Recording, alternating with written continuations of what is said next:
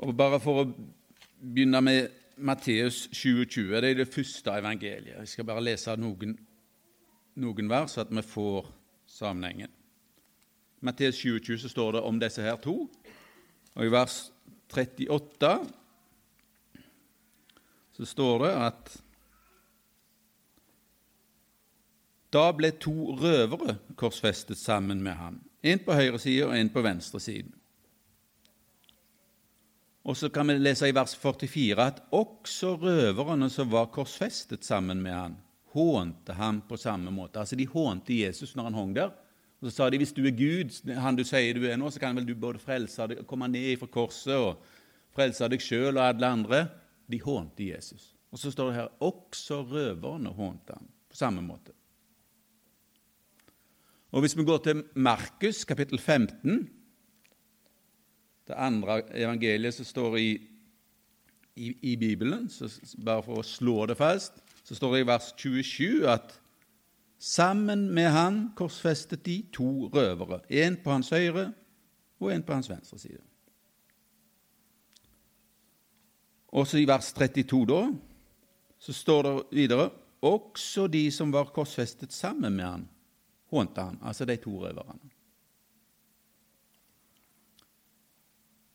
Og I Johannes evangelium der står det at eh, to andre var korsfestet sammen med ham. Det står ikke noe mer enn det. Så da har vi tre evangelier. Så tenker jeg, hvem var de to som var korsfesta med ham? Jesus han var jo jøde. Og, og det å bli korsfesta var den verste måten et menneske kunne ende sitt liv på denne måten. Hvis du var romerske statsborger, så ble du ikke korsfesta. Samme hva du hadde gjort, samme hvor gale det var, så ble det ansett som å være en så lite ærefull måte å dø på og forferdelig at de korsfesta ikke romere. Paulus var, rom var romerske statsborger. Han ble til gjengjeld halshogd, hvis det var noe bedre. Men, men det å bli korsfesta, det var i alle fall den Det gjorde de ikke med sine egne. Så hvem var disse to røverne? De var iallfall ikke romere i den forstand at de var romerske statsborgere. Sannsynligvis jøder. da. Og det var røvere. Noen plasser står det at de var ugjerningsmenn. Og hva de hadde gjort, eksakt det vet vi heller ikke, men de var iallfall skyldige i noe som var så grusomt at de ble korsfesta. Og der skulle de helst henge så lenge som mulig for å pines. Det er jo grusomt i seg sjøl. Så disse to her hang der i lag med Jesus. Så tenker jeg De representerer egentlig alle mennesker i verden, i utgangspunktet. De hang, de der skyldige til døden. De hadde ingen mulighet til å rette opp det de hadde eventuelt gjort galt. De kunne ikke gjøre noen gode gjerninger, eller ikke noen dårlige gjerninger heller lenger, for der, der hang de fullstendig strippa. Så i den forstand så, så, representerer de oss alle. Og bare for å gni det helt inn Dette er ikke Frode sine ord, men i Romerbrevet f.eks. så står det at alle har veket av ifra Gud. Det er ikke én som gjør det gode, står det. Det er ikke én som er rettferdige. Det er jo en ganske hard dom. Vi syns jo gjerne sjøl at det, han har ikke gjort ei flåge for tred, eller hun har jo vært så snill i hele Ja, i, i menneskers øyne så, så, stemmer jo det langt på vei. Det er jeg sikker på. Det er voldsomt mange flotte mennesker. Men når det gjelder innenfor en hellige Gud, ikke etter menneskers standard, men innenfor Guds standard, som er skyhøye, så kommer vi alle til kort. Og det har med den, det essensielle problemet å gjøre synd. Ifra Adam og Eva, helt ifra Edens hage. Helt basic. Og det har trengt gjennom, står det i Bibelen, til alle mennesker. Så problemet er egentlig enormt. Så hvis de to røverne som henger i lag med Jesus, representerer oss alle da, i utgangspunktet, alle mennesker, da, så er det to, og så er det én mann i midten Jesus Kristus, Guds sønn.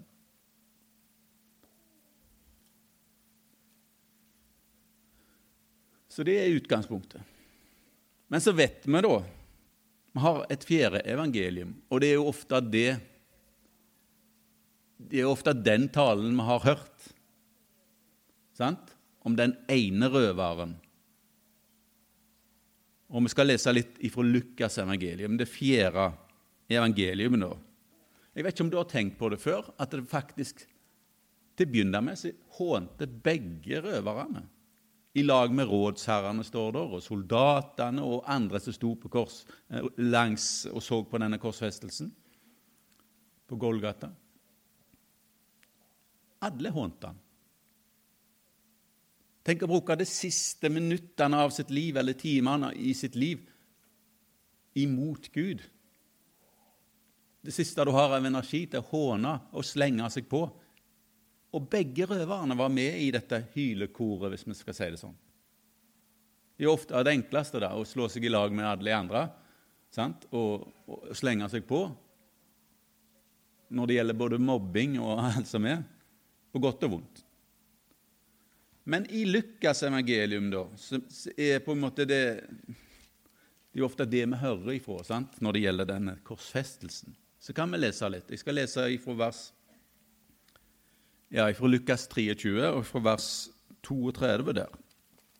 Og Der står det òg at Og de kom til det stedet som kalles Hodeskallen, eller Golgata, som de sang om her. Der korsfestet de ham og ugjerningsmennene, den ene på hans høyre side, den andre på hans venstre side. Men Jesus sa, 'Forlat dem, for de vet ikke hva de gjør.' Og de delte klærne hans mellom seg og kastet lodd om dem. Folket sto og så på. Men rådsherrene spottet ham og sa, andre har han frelst. La han nå frelse seg selv dersom han er Messias, Guds utvalgte. Også soldatene hånet han. De kom bort til ham og rakte ham eddik, og de sa, Er det jødenes konge, så frels deg selv. Der var også en innskrift over ham, dette er jødenes konge. Og så står det da, fra vers 39, en av ugjerningsmennene, en av disse røverne, som hang der, spottet han og sa, er ikke du Messias, frels deg selv og oss.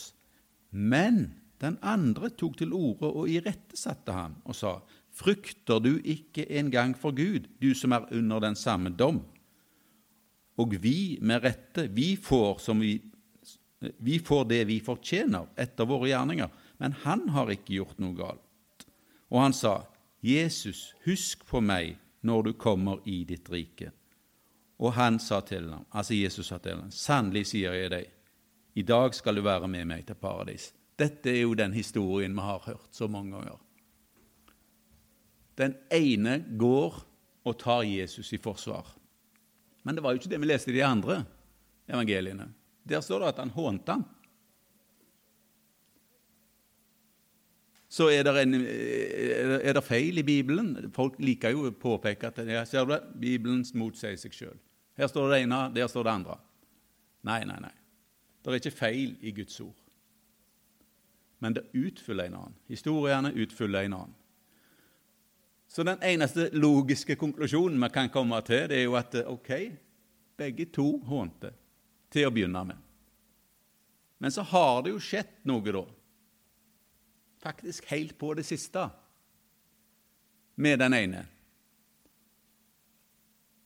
som gjør at han har gått ifra å være en som håner Jesus og spotter han, akkurat som de andre gjorde, til å faktisk ta han i forsvar.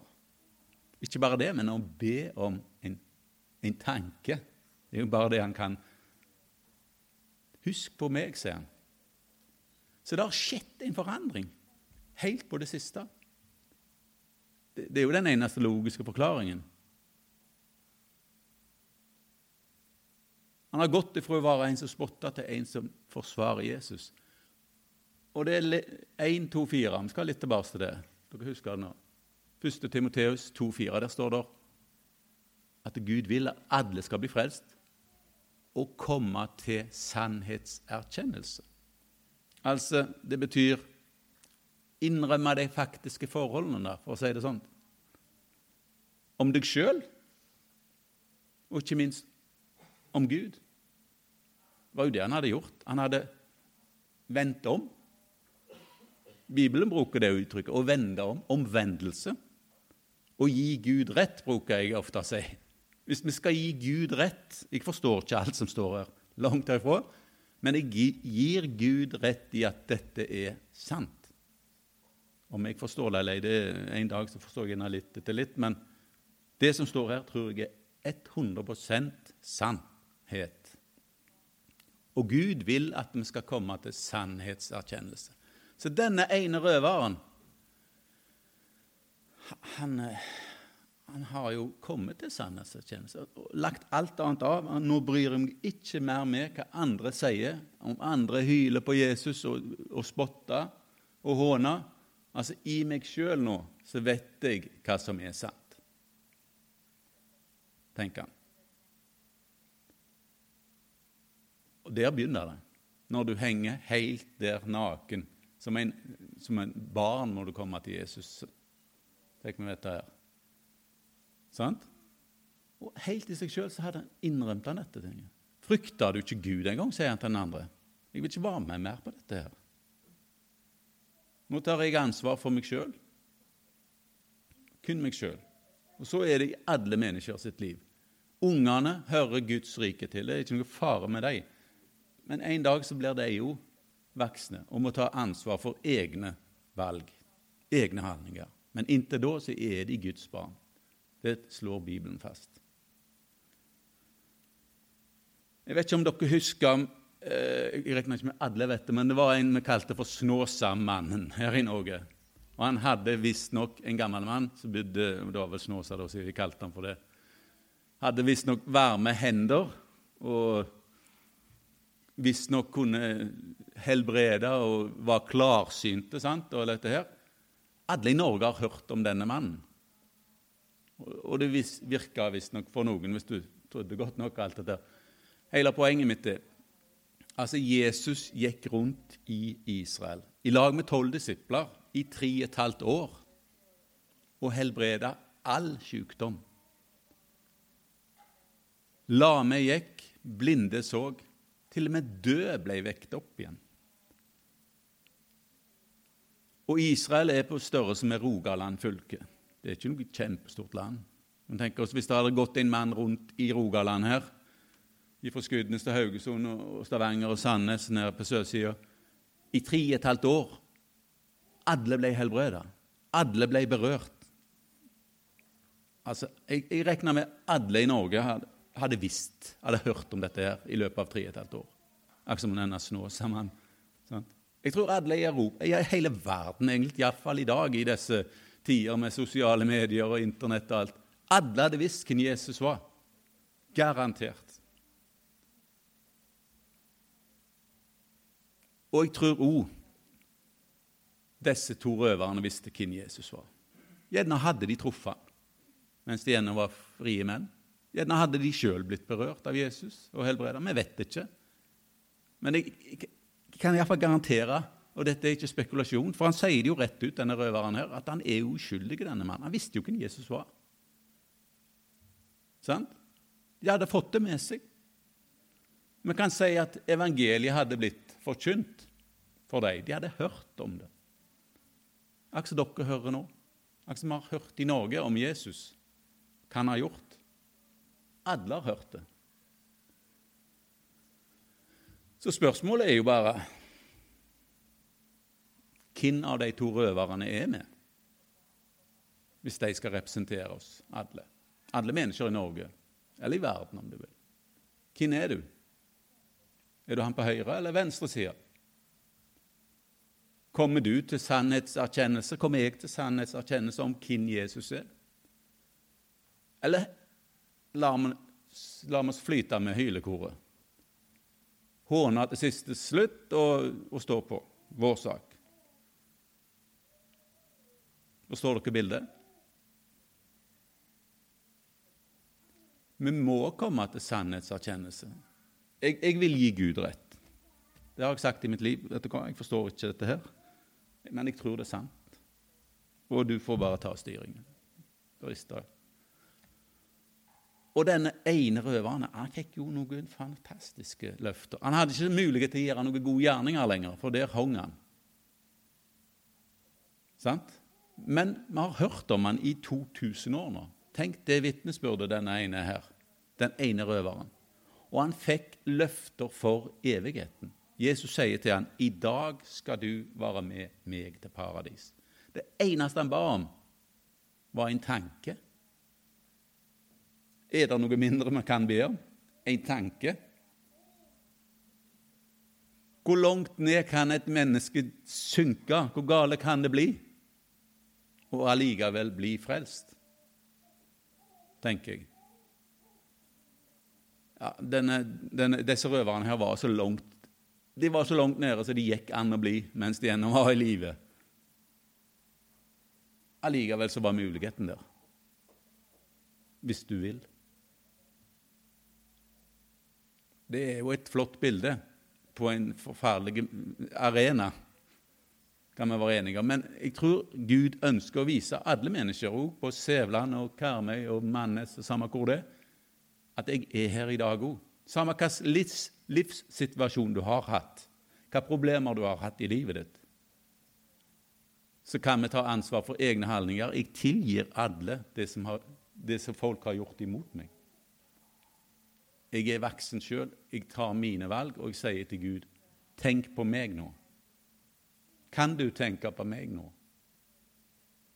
når du går i ditt paradis? Og vi har fått løfter. Han, han gjør det. Han tilgir all synd. Gud har ikke behag i at noen går fortapt. Selv om noen sier noe annet til dere, i denne fæle verden, hvis det hadde vært en Gud, så hadde ditt og hadde det Gud, Gud er ikke årsak til det. Gud vil at alle skal bli frelst og komme til sannhetserkjennelse. Og han har vist det til det ekstreme ved å gi sin egen sønn, som var uskyldige, tatt på seg all synd og sona synden. Og nå henger han der og bare spør vil du vil du være han, eller vil du være han? Husk på meg når du kommer i ditt rike.